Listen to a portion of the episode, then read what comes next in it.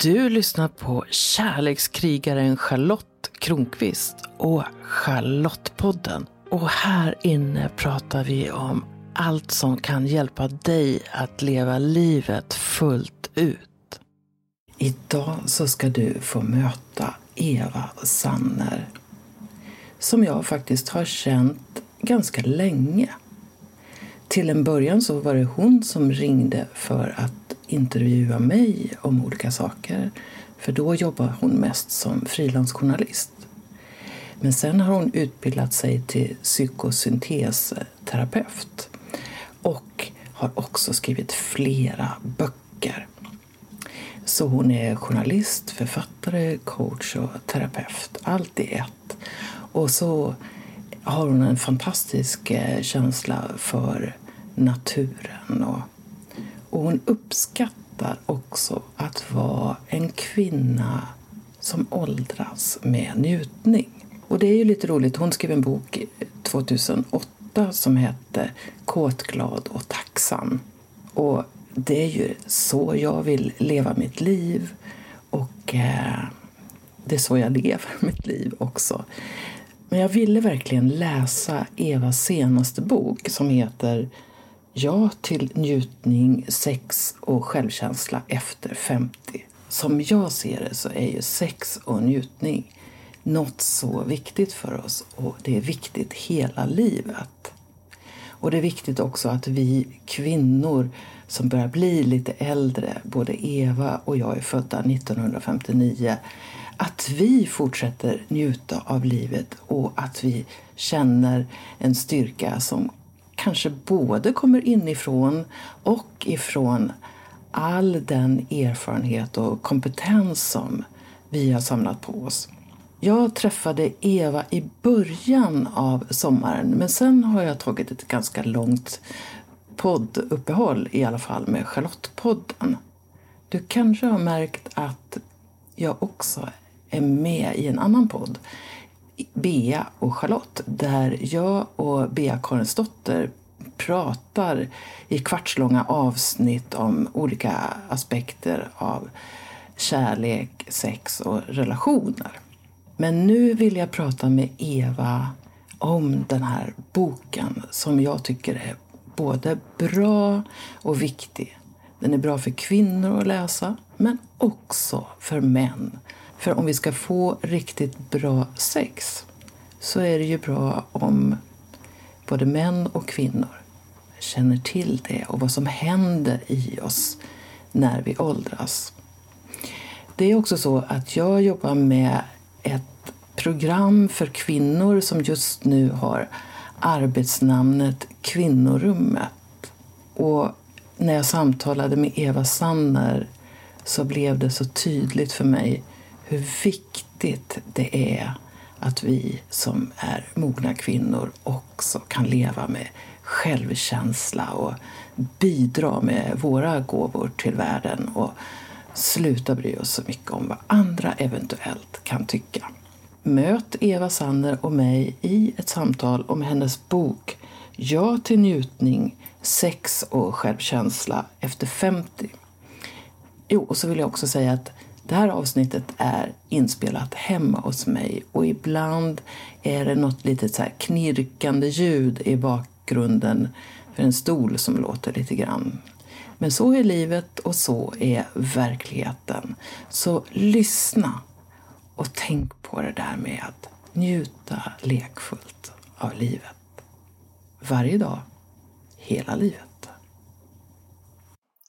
Jo, när jag när jag satt och redigerade det här avsnittet så upptäckte jag att det blev ett litet fel på ett ställe. Eh, vi pratar om Haidt-rapporten som kom på 70-talet. Och den visade att bara en tredjedel av alla kvinnor som var med i den undersökningen, tusentals kvinnor, eh, kunde få orgasm bara genom vaginal stim stimulering eh, den visade hur viktig klitorisstimulering är för att kvinnor ska få orgasm.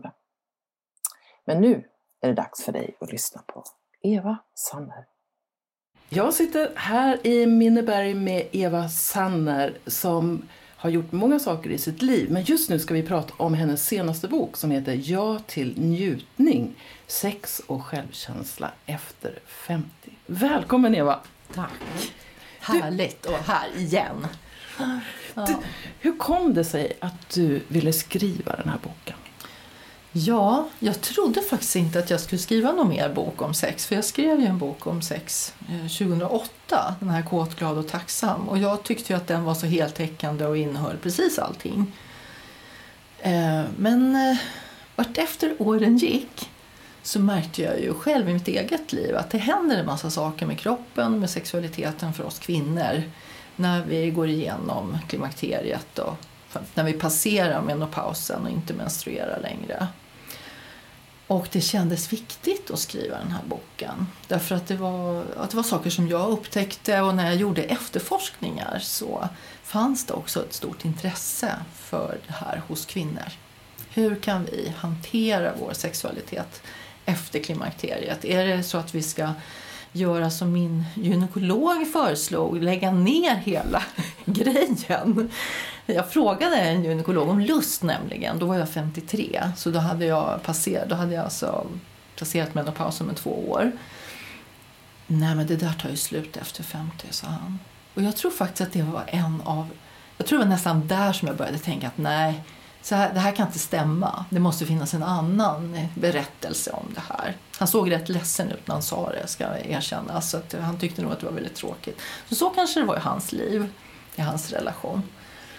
Men nej, jag ville skriva om njutning för kvinnor efter 50. För att njutningen beter sig lite annorlunda, behöver mer uppmärksamhet för att kroppen förändras och behöver mer kärlek. Och för att jag också ville lyfta fram den här åldern faktiskt.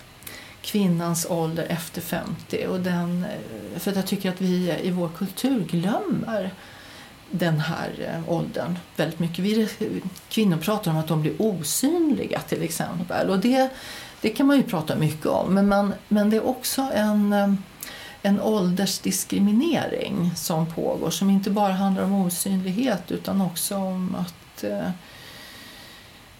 inte uppskattas, inte respekteras, inte tas tillvara som en resurs. Alltså vi är en resurs för samhället med den erfarenhet och den den livserfarenhet och de kunskaper som vi har. Ja. Då tänker jag att det finns ju flera aspekter utav den här. Det ena är hur, hur andra betraktar kvinnor i vår ålder, för vi tillhör båda mm. den här åldersgruppen. Och hur vi betraktar oss själva. Mm. Och som jag ser det, det vi kan göra någonting åt som individ, det är ju hur vi betraktar oss själva eller mm. våra medsystrar. Vi, eh, vi kanske kan gå, stå på barrikader och påverka det andra också. Men var är ditt fokus? Alltså jag tänker så här att när vi, jag håller helt med dig, vi kan ändra hur vi ser på oss själva. Det som vi har gjort, väldigt många av oss, är att vi har internaliserat, vi har tagit in samhällets syn på den här åldern och gjort den till vår självbild. Så att vi tycker att vi borde se annorlunda ut. Eller vi tycker att kroppen är fel för att den är gammal eller äldre och så. Så det är klart, jag håller helt med. Alltså, vi behöver börja med oss själva och kvinnor behöver hjälpas åt, stötta varandra. Och jag tror att det är så vi, vi förändrar samhället också. När vi faktiskt ser oss själva på ett annat sätt och stöttar andra kvinnor att eh, se sig själva på ett annat sätt. Det är ju så samhällen förändras eh, är faktiskt den slags gräsrotsrörelse som jag är ute efter här. När kvinnor efter 50 njuter av sin kropp och eh, att, sin ålder, sin skaparkraft och, och också sin skönhet. Alltså att se vad skönhet kan vara i den här åldern. Att det inte handlar om att se ung ut, se så ung ut som möjligt. Utan att det handlar om att vara vacker där du är i livet. Och vad det handlar om. Alltså det är som att jag känner att jag slappnar av när, mm. du, när du säger det där. För att vi blir ju också så matade med bilder av hur en kvinna ska vara. Och, och förebilden är ofta en kvinna som är mycket yngre än oss. Och så finns det ibland nästan som en förväntan att vi ska försöka vara som vi var för 30 eller 40 år sedan. Mm. Jag mötte en, en äldre kvinna än mig nyligen. Och hon... Jag har slutat färga håret. Och, eh, och hon tittade på mig och så sa hon, du har grått hår. Och du har gått upp i vikt också. Jag var nyss hos frissan och jag har inte gått upp ett gram sedan jag var 40. Så det var som att hon tyckte att jag var Mm. oförskämd som inte försökte låtsas som att jag var yngre än jag är. Vad tänker Mm. du om Jag tänker att det är ett exempel på hur kvinnor inte stöttar varandra. Och att det finns många, alltså just att de här sakerna, de här förändringarna i, i kroppen och, kroppen och utseendet, att det är liksom markörer för någonting som vi tycker är lite otäckt, nämligen åldrande och död. Och eh, genom att istället så att säga, omfamna den ålder du är så är det, det finns en också djup livsvisdom i det. Att allting förändras faktiskt hela tiden och allting dör. Så att jag tänker att den här tiden i livet förutom att den handlar om att ta hand om sig själv, må så bra som möjligt, njuta på det sätt som passar och så vidare. Men att det också handlar om att tänka på tidens gång och vad jag vill göra medan jag har den här kraften som jag faktiskt har. Att njuta av det och att liksom gör, se så här, vad, vad är det som är viktigt i livet nu istället för att försöka låtsas som att jag är 40 och ska leva för evigt. För då kommer jag kanske inte att göra det som är allra viktigast för mig. Då kanske jag kommer att känna att jag ångrar det när jag blir så gammal så att jag inte orkar.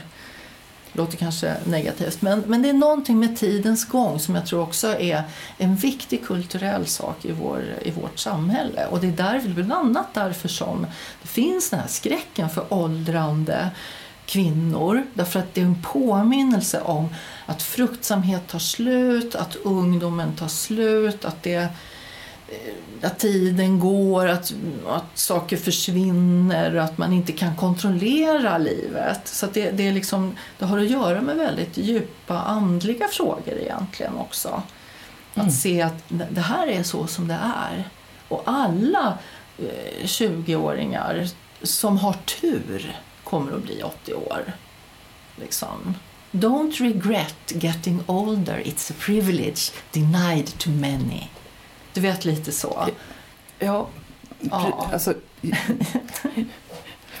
Jag bara tänker på, jag är så tacksam att jag har min mamma i livet som är 85 år och senast igår hade vi liksom ett långt samtal Mm. om livet.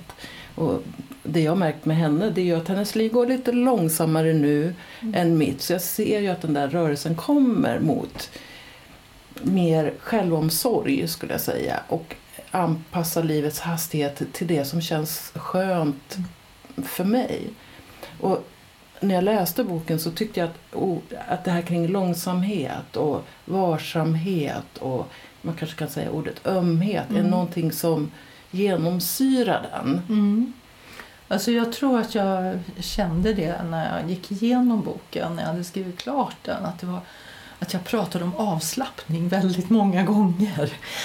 Och så tänkte jag så här, är det för mycket om det? Men nej, jag tycker inte det. För att det är så viktigt för oss att eh, hantera den här övergången till att bli äldre genom att anpassa livstempot till hur vi är. Så en effekt av lägre östrogenhalt är att vi blir mer stresskänsliga. Och då kan man ju hantera det på olika sätt. Men man kan också liksom anpassa sitt liv till att jag behöver ta det lugnare nu. Det är viktigare hur jag använder min tid. Jag ska inte stressa mer. Det är liksom, det är liksom någonting vi verkligen inte ska göra.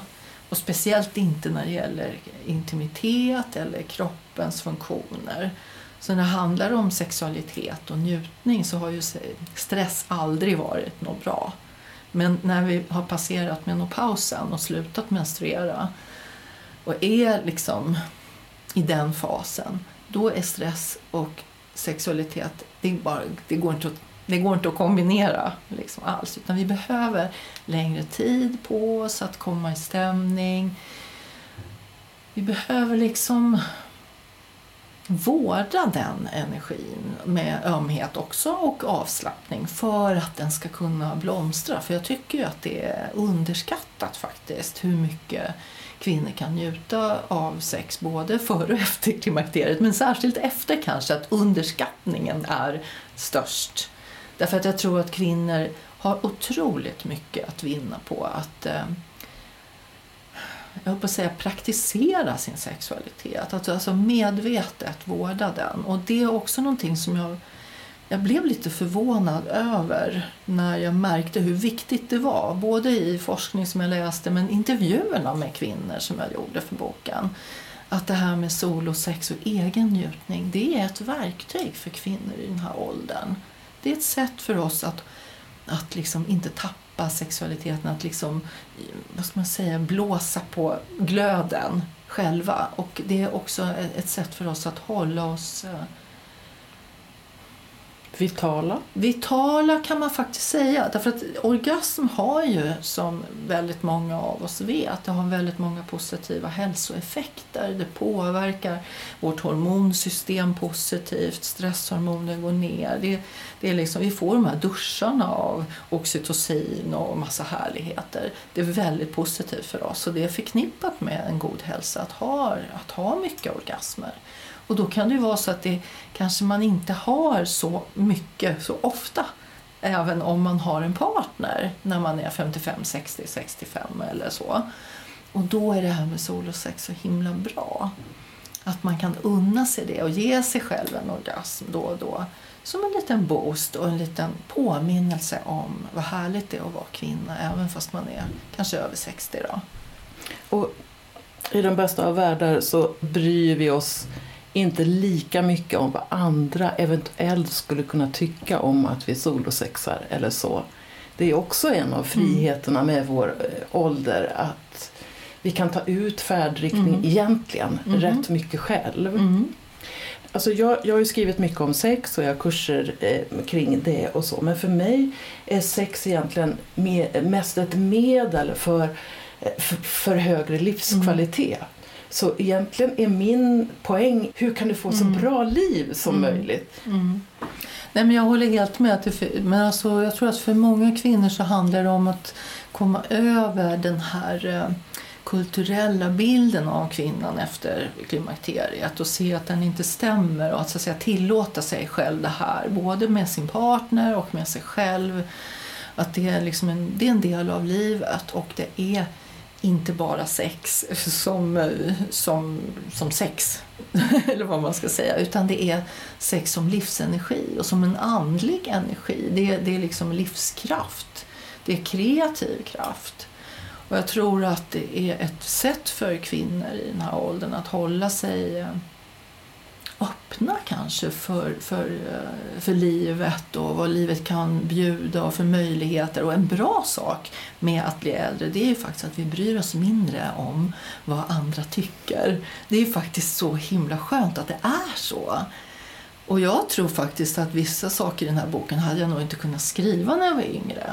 Jag, jag, tror inte det. Jag tycker att det, och speciellt kanske det här med sol och sex och kroppen och så.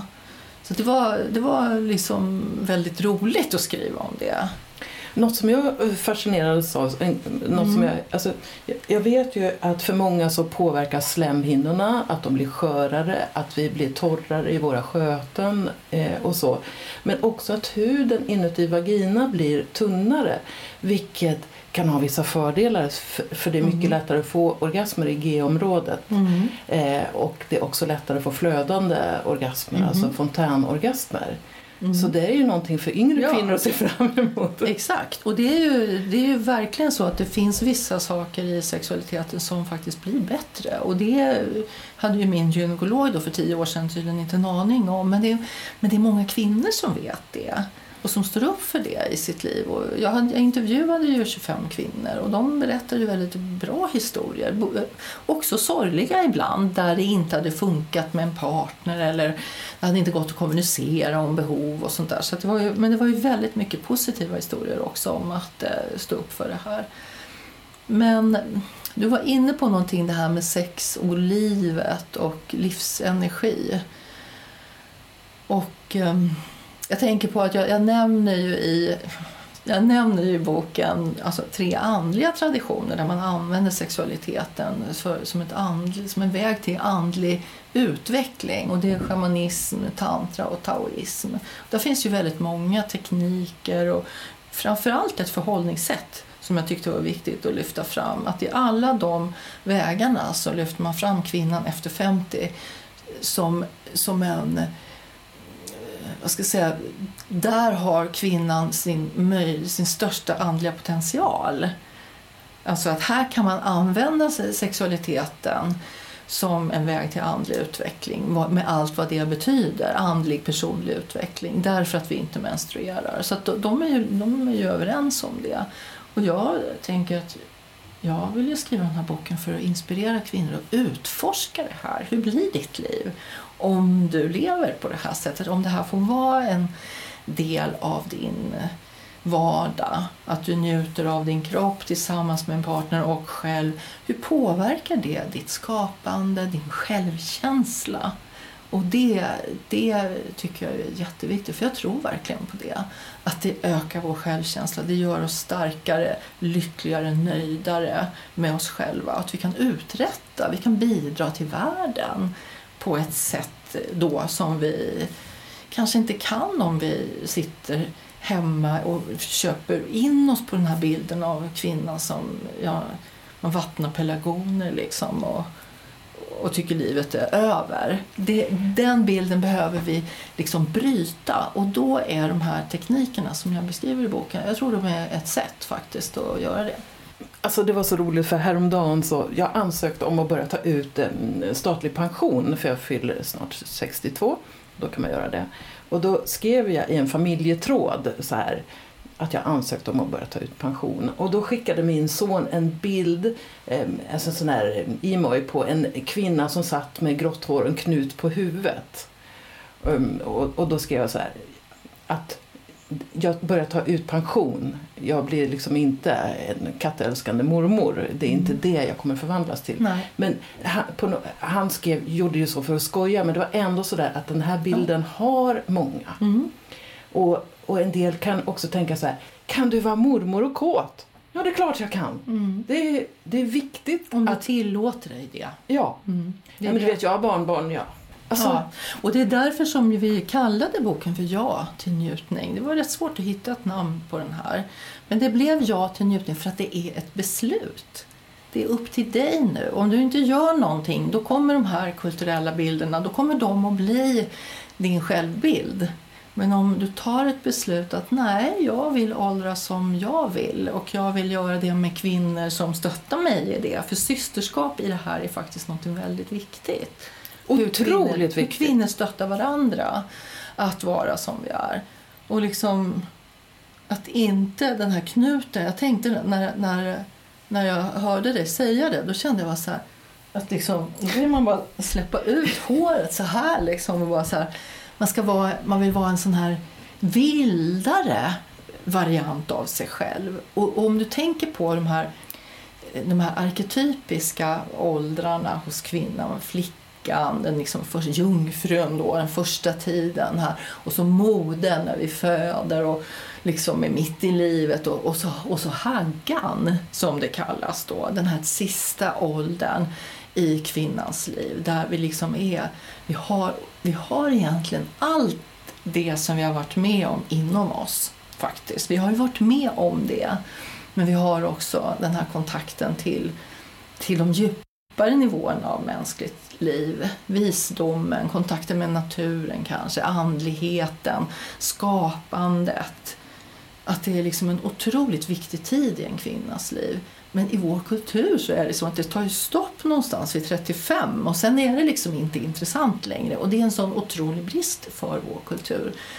Och, och jag tror att ehm, det handlar om, jag ska säga, man kan ju prata om hållbarhet i det här också därför att det är inte hållbart för en kultur att, att liksom ta bort en så stor del av det mänskliga och inte värdera det och inte lyssna på det.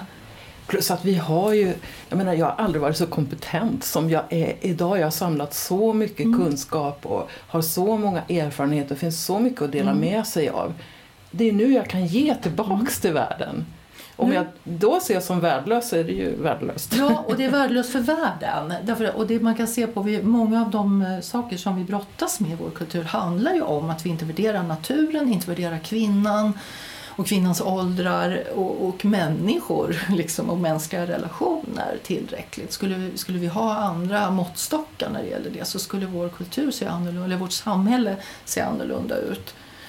En sak som jag tänkte på det är eh, när, när våra kroppar eh, förändras och hormonhalterna minskar och sådär. Om vi tänker oss en kvinna som har låtit sin man styra sexualiteten. Hon har haft sex med honom på hans villkor.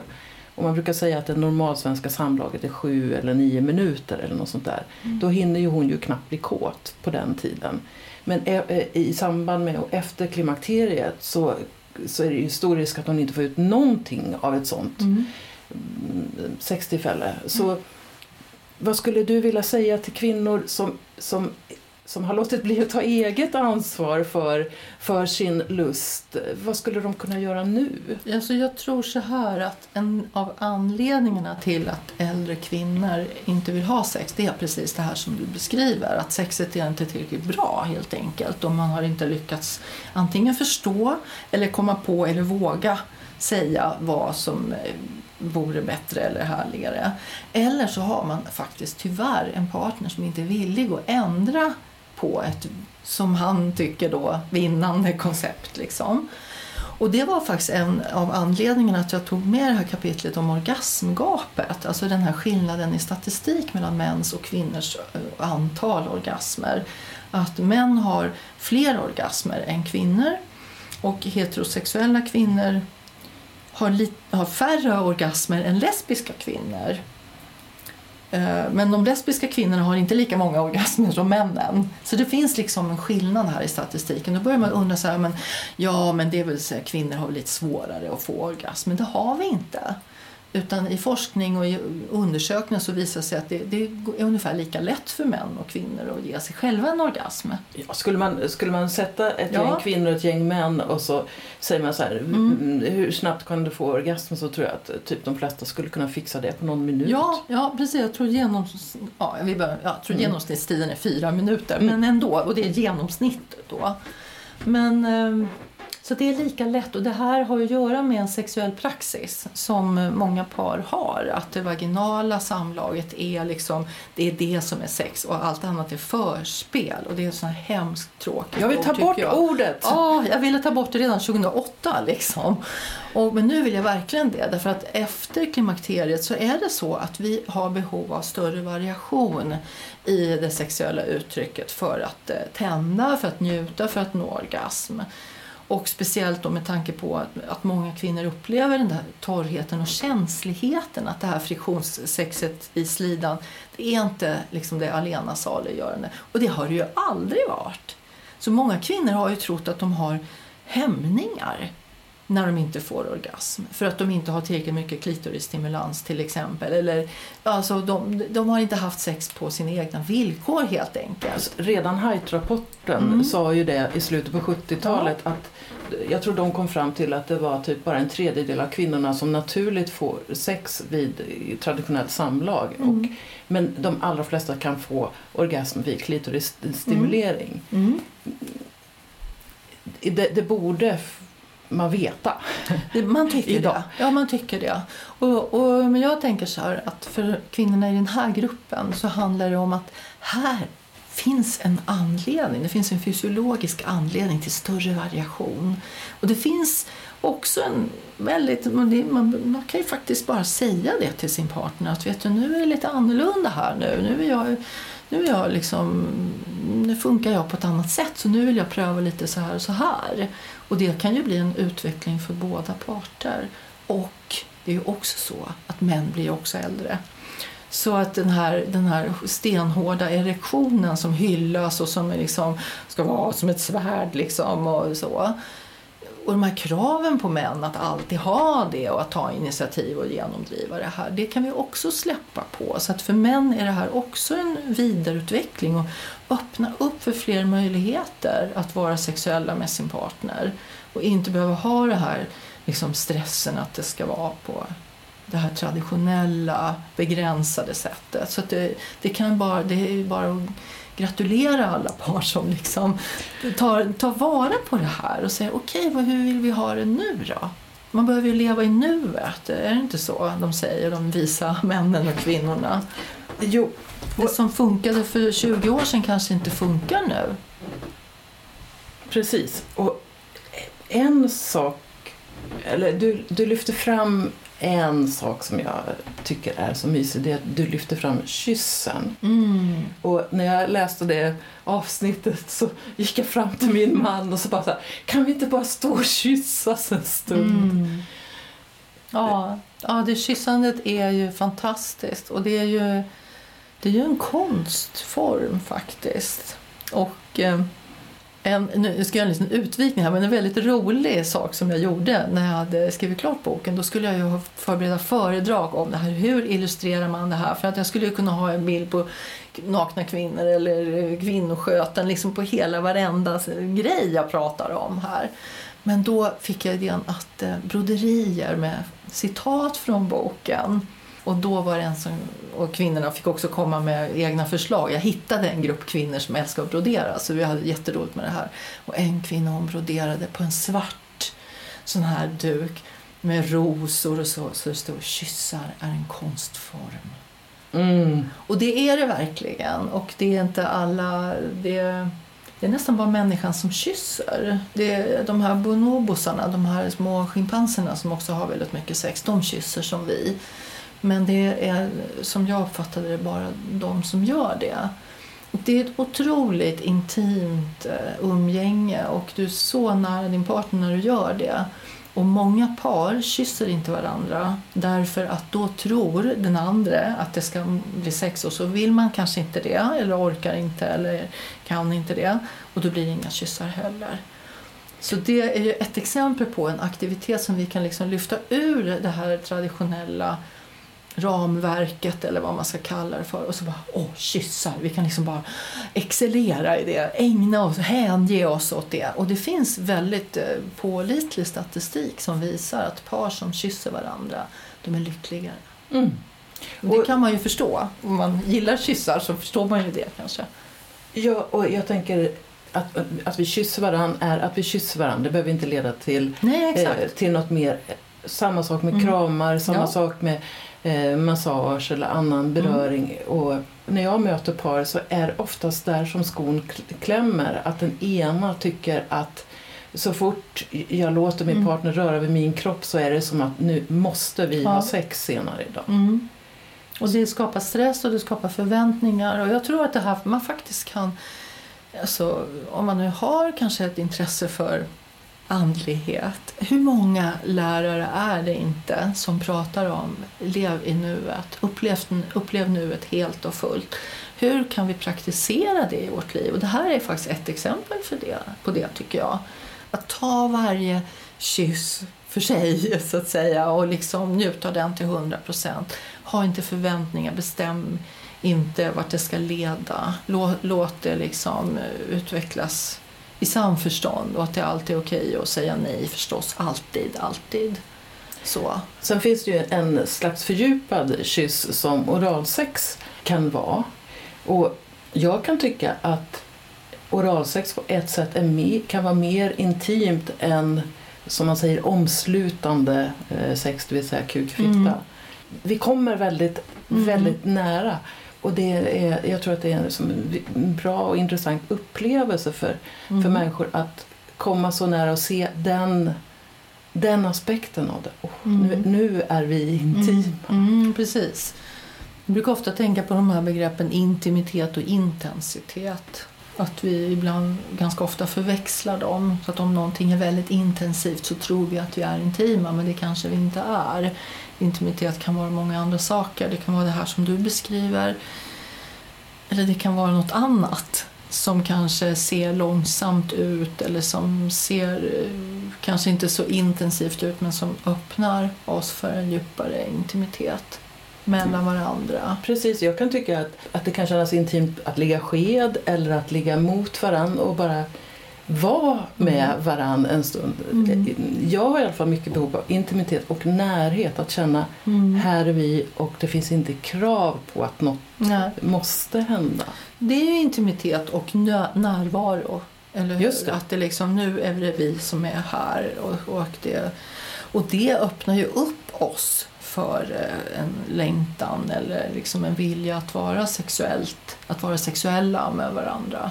Så det är ju en väldigt, viktig del. Om vi tar en kvinna som, eh, som går till din, till, till- din gynekolog och så får höra att Nej, men det där är passerat, du är 53. Mm, Men som ändå tänker så här, ja, jag har ju lagt ner sex nu ett tag men jag skulle vilja mm, komma igen med Mm, det. mm. Vad, först kan jag säga att min erfarenhet är att, att det är på något sätt att ju mer jag praktiserar sex, ju mer närhet och intimitet jag har desto lättare är det att väcka lusten i mm. mig. Så det blir som ett självspelande piano lite Mhm. grann. Men eh, perioden när, när det har varit lite så har det varit lite svårare att väcka det. Mm. Och säg att det har gått flera år.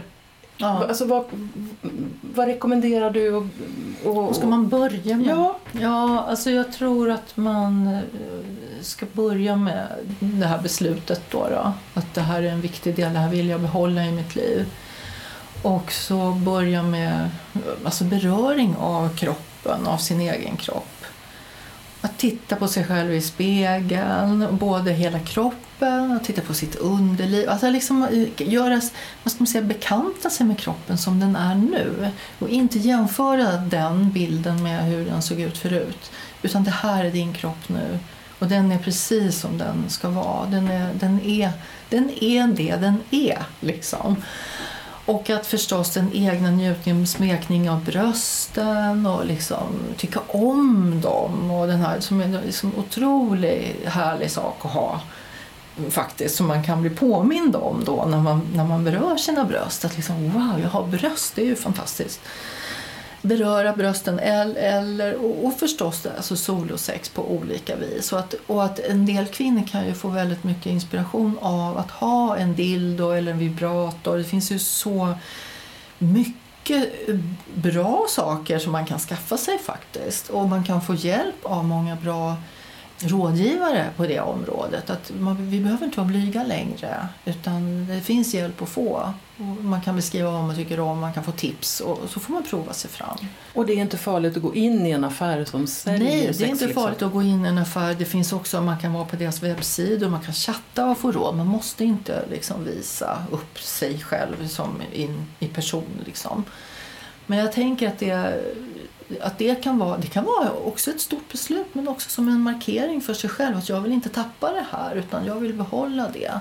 Sen måste man inte ha säga, verktyg eller så. Men ibland kan det ju underlätta faktiskt. Speciellt om man vill nå G-punkten och, och ha den typen av orgasmer så kan det ju vara ganska hjälpsamt med stavar.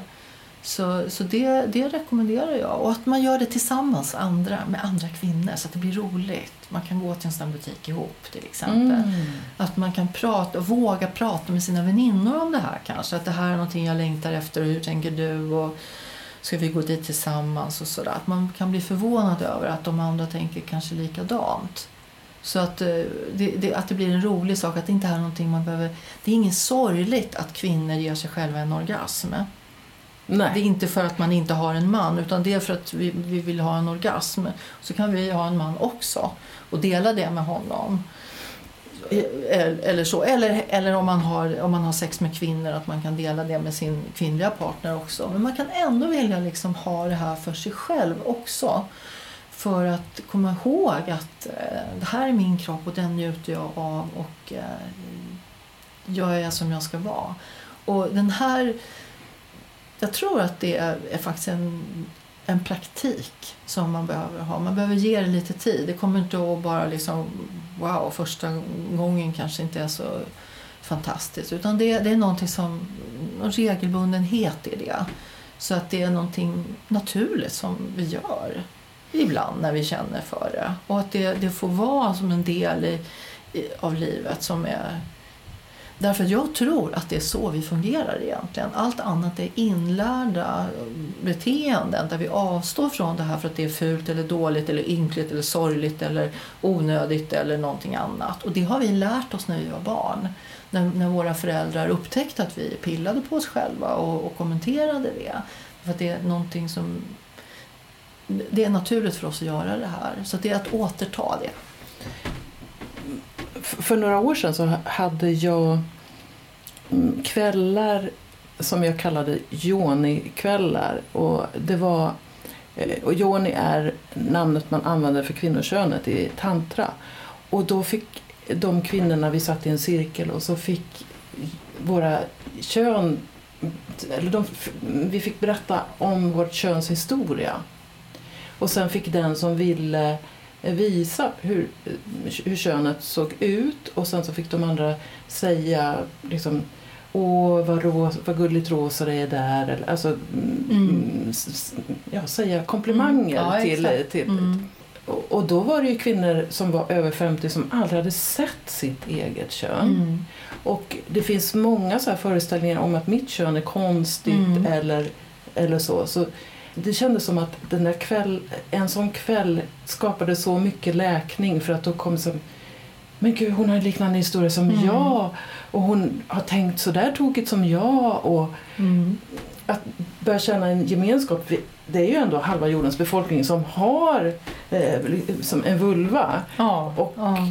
Alltså det där är ju jätteintressant och eh, jag eh, har ju blivit på senare år ganska intresserad av den här schamanska, de schamanska traditionerna, eller en tradition. Och där pratar man om att eh, det finns olika, man, man har, kallar, har, kallar dem för namn.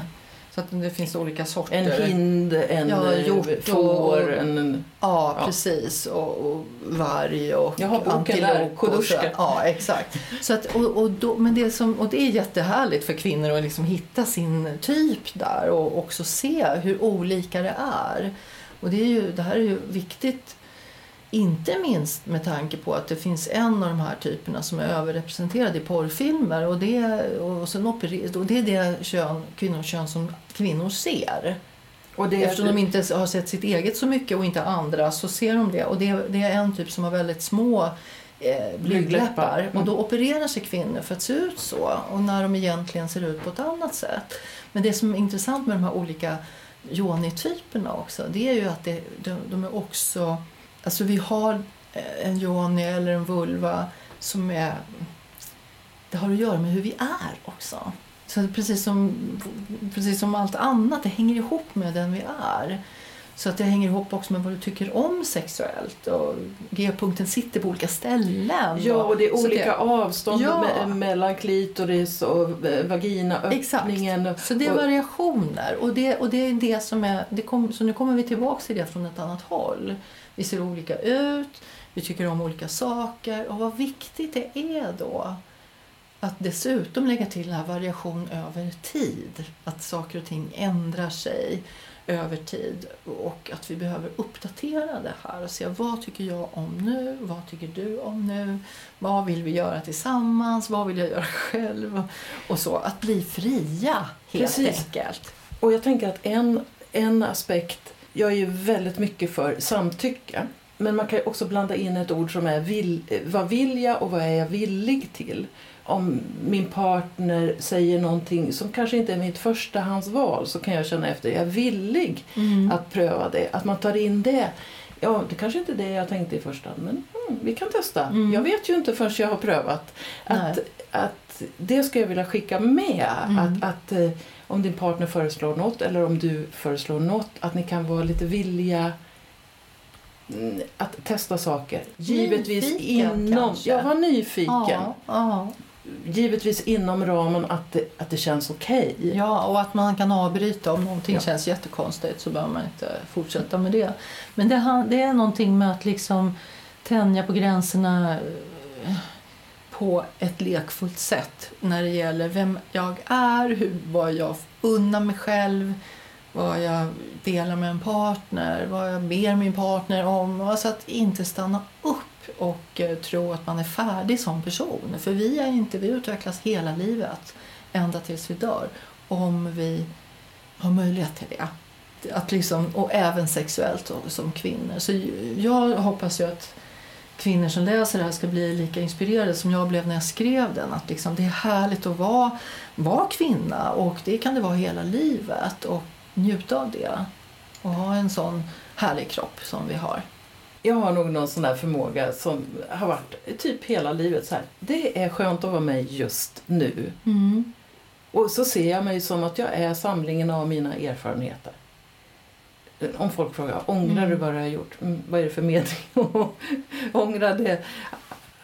Man ångrar mycket mer vad man inte har gjort. Eller hur? Ja, ja.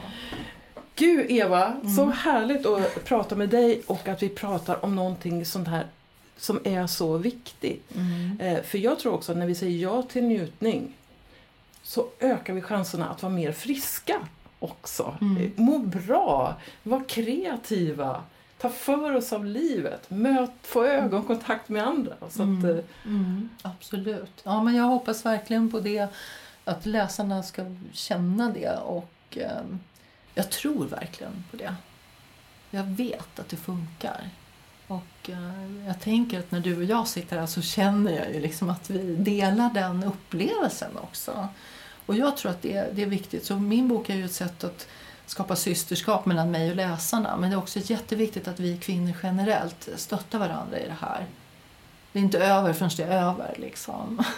nej. Och så. Och att det, det är okej att eh, pröva nya sätt. Och att vi kan hjälpa varandra med det. Så låt oss hjälpa varandra, pröva nya sätt och låt lusten ha plats i ditt liv. Hur gammal du än är. Exakt. Tack Eva. Tack, tack. Jag hoppas hoppas att du har blivit inspirerad av att lyssna på Evas klokskaper och vårt samtal som helhet. Och du kan göra nytta av Eva på många olika sätt. Inte minst eftersom hon jobbar med psykosyntes. Men också för att hon bryr sig om de här frågorna, om lusten hos kvinnor som är äldre. Och Eva Sanner, bara sök hennes namn så hittar du vad som är aktuellt just nu. Och är du kvinna, läs boken. Hösten har börjat, hösten 2021. Och jag vågar mig på lite försiktigt med att ha kurser igen. Och det finns några platser kvar när det här spelas in till parkursen Lekfull tantra som sker helgen 22 till 24 oktober. Så gå gärna in på min hemsida charlottekronqvist.org om du vill veta mer om den. Och vet du vad? Jag ska vara i Frankrike en hel månad före den där kursen. Eller jag och Staffan ska vara i Frankrike en månad. Wow, vi förlänger sommaren. Första gången utomlands sedan pandemin startade. Och du, ta hand om dig. På riktigt. När du känner stress, lägg gärna en hand på hjärtat. Blunda och ta några långsamma, djupa andetag. Och så lägg märke till hur det känns sen. Kom ihåg att prenumerera på Charlottepodden så att du är med när nya avsnitt kommer. För vem vet vad du kan få lära dig om livet i det avsnittet. Rekommendera gärna podden till en vän så är du med och sprider vetskap om att den här podden finns och berätta vad den ger just dig. Jag skulle bli så glad om du också går in i din podcast-app och lämnar en kommentar eller skriver en recension av podden. Ju fler som gillar podden öppet, desto fler kommer också att hitta den